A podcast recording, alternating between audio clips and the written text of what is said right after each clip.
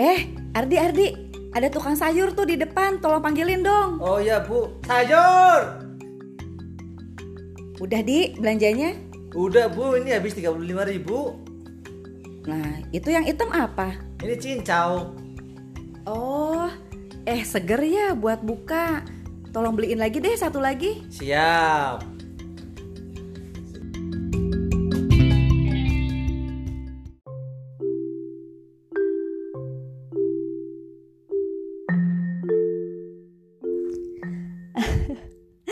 Alhamdulillah ada Ardi yang selalu siap membantu saya untuk pekerjaan rumah tangga.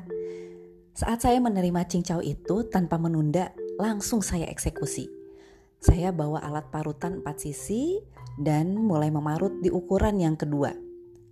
Ternyata Ardi memperhatikan dan akhirnya dia berpendapat, Bu, apa nggak kekecilan? Saya jawab, ya kan kayak yang di es kopi cincau di. Dia jawab lagi, tapi nanti susah bawanya. Setelah saya pikir-pikir, hmm, iya juga ya gitu. Lalu saya memilih ukuran nomor 4 yang menghasilkan potongan cincau seperti lembaran kelapa muda gitu. Nah, tak lama kemudian anak yang kecil menghampiri. Bun, ini apa? Cincau, Dik. Oh, yang biasanya kotak-kotak di es campur kan?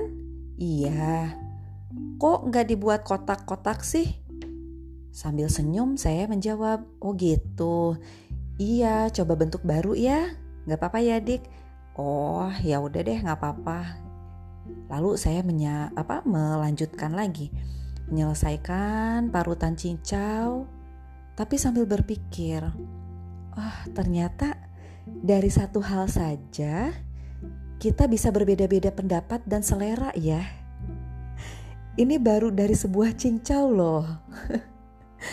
ya, terbayang ya dalam kehidupan sehari-hari kita banyak sekali hal yang kita hadapi dengan cara pengolahan dan penyelesaian yang berbeda-beda. Misalkan, komunikasi kita dengan pasangan. Mungkin buat laki-laki membalas chatting atau ngobrol panjang itu nggak terlalu penting Sementara untuk kita perempuan itu sesuatu banget. Nah, kondisi-kondisi itu dapat memunculkan miscommunication pastinya. Yang suami merasa biasa-biasa aja, eh yang perempuan yang baper merasa suaminya nggak perhatian, merasa tidak berarti. Kok aku kayaknya nggak penting ya? Dia kok nggak perhatian sama aku bla bla bla bla. Banyak ya yang merasakan seperti itu. Nah itu baru di pasangan baru satu hal. Atau bisa jadi untuk komunikasi ibu dan anak. Mungkin untuk anak yang menjelang dewasa dia merasa cukup usia untuk merencanakan, memilih, bahkan memutuskan sesuatu untuk kehidupannya. Sementara ibunya merasa ya ini anak aku. Aku kudu terlibat penuh dalam kehidupannya. Yang akhirnya dapat memunculkan perasaan anak yang duh ini tuh kenapa sih si ibu cerewet banget. Terus aku tuh selalu disalahkan sama ibu. Serba salah. Dan mungkin ibunya merasa, aduh ini anak udah gede aja mulai membangkang ya. Mulai mau pendapatnya sendiri bla bla bla bla bla dan sebagainya. Begitu pula dengan lingkungan profesional. Bisa jadi kita sering berbeda apa, berbeda pendapat dengan partner kerja.